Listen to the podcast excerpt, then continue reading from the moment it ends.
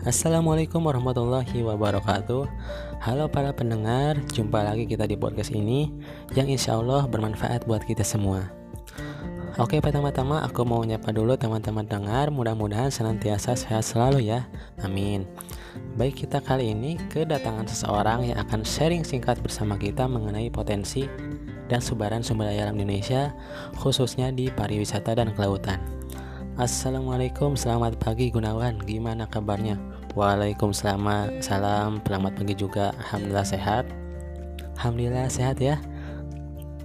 Oke, jadi gini, kita akan bicara soal sumber daya alam Indonesia yang dikatakan melimpah. Artinya, ini menjadi salah satu faktor penting ya untuk pemenuhan kebutuhan hidup. Nah, bicara soal itu tentu dapat memajukan negara dan menyejahterakan masyarakat. Ya betul ya, saya setuju itu. Nah, sekarang ini kan kalau kita lihat gitu, Indonesia itu sedang gencar-gencarnya mempromosikan pariwisata. Nah, itu kenapa kira-kira? Baik, jadi begini ya. Mengapa pariwisata itu sedang giat kita gencarkan ya? Karena tidak lain pariwisata itu mewadahi dapat mewadahi sekaligus mampu menggerakkan ekonomi dan memberdayakan masyarakat.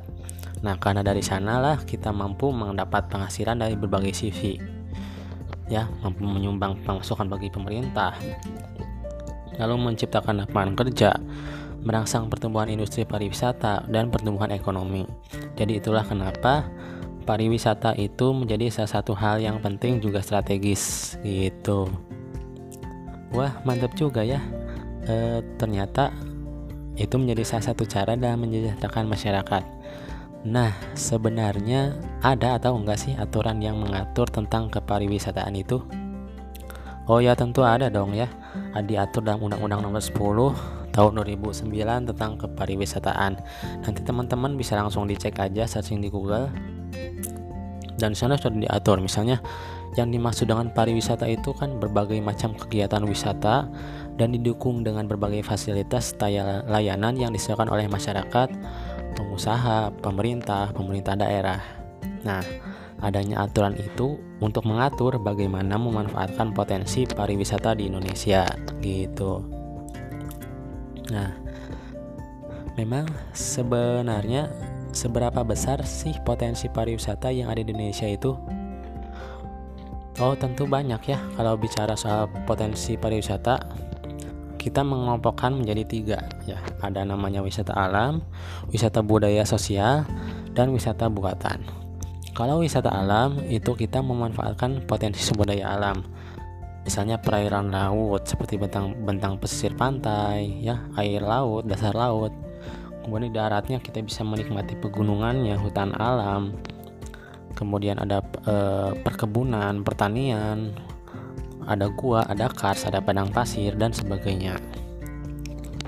Kalau wisata budaya itu untuk memperluas pandangan hidup kita dengan cara mengunjungi tempat lain untuk mempelajari keadaan rakyatnya, kebiasaan, adat istiadat, cara hidup, budaya, seni. Misalnya kita berkunjung ke eh, situs purbakala atau misalnya kita berkunjung ke e, kampung adat. Nah, itu salah satu wisata budaya. Kalau wisata buatan itu berkaitan memanfaatkan objek wisata yang sangat dipengaruhi oleh aktivitas manusia ya. Artinya dibuat oleh manusia ya, bisa wisata olahraga, wisata terintegrasi, fasilitas rest area ya dan sebagainya dan sebagainya. Nah, untuk persebarannya kita tentu banyak ya, hampir di seluruh Indonesia itu Eh, potensi pariwisatanya sangat besar. Misalnya di Taman Nasional Gunung Leuser di, di Sumatera, Danau Tawar misalnya, ada Danau Toba. Kalau di Jawa misalnya ada Gunung Tangkuban Parahu, ada Pelabuhan Ratu, Museum Geologi, Taman Mini, Ancol dan sebagainya. Kalau di Bali kita mengenal Pantai Kuta, Tanah Lot. Di Kalimantan ada pasir Pantai Pasir Panjang, di Papua ada Raja Ampat dan sebagainya. Gitu ya. Wah, akhirnya saya jadi tahu nih ya, ada beberapa jenis potensi pariwisata. Nah, saya masih penasaran apa saja kiranya yang menjadi sumber daya dalam pariwisata itu. Sumber daya pariwisata itu kita mengenalnya dengan bios, geosfer Ada atmosfer berupa iklim dan cuaca, ada hidrosfer berupa perairan, ada biosfer berupa flora dan fauna, dan ada antroposfer atau e, kehidupan masyarakat gitu. Wah, akhirnya saya jadi tahu nih ya kekaryaan pariwisata Indonesia itu memang e, tidak kita ragukan lagi. Sekarang aku mau tanya nih ya tentang sumber daya kelautan. Apa apa sih sebenarnya sumber daya kelautan itu dan apa saja sumber daya di dalamnya? Oke, bicara sumber daya kelautan ya. Artinya itu segala unsur hayati dan non dan non hayati yang terdapat di wilayah laut. Ya, misalnya perikanan. Pernah makan ikan kan? Oh ya, pernah dong. Nah, potensi perikanan laut itu kan tentu sangat kaya. Ada perikanan pelagis yang tersebar di hampir semua bil, semua bagian laut Indonesia. Di bagian barat misalnya kita menemukan ikan pelagis kecil. Di timur kita bisa menemukan pelagis besar, cakalang, tuna. Belum lagi ada yang membudidayakan gitu ya membudidayakan kayak misalnya budidaya bandeng, udang dan sebagainya. Nah, kemudian yang kedua ada terumbu karang. Kamu juga dan teman-teman pendengar pasti sudah kenal dong ya tentang kekayaan potensi yang satu ini. Potensinya sangat besar. Bayangkan saja 18% luasan terumbu karang di Indonesia, luasan terumbu karang dunia itu ada di Indonesia. Namun nih, namun kita sering mengabaikannya.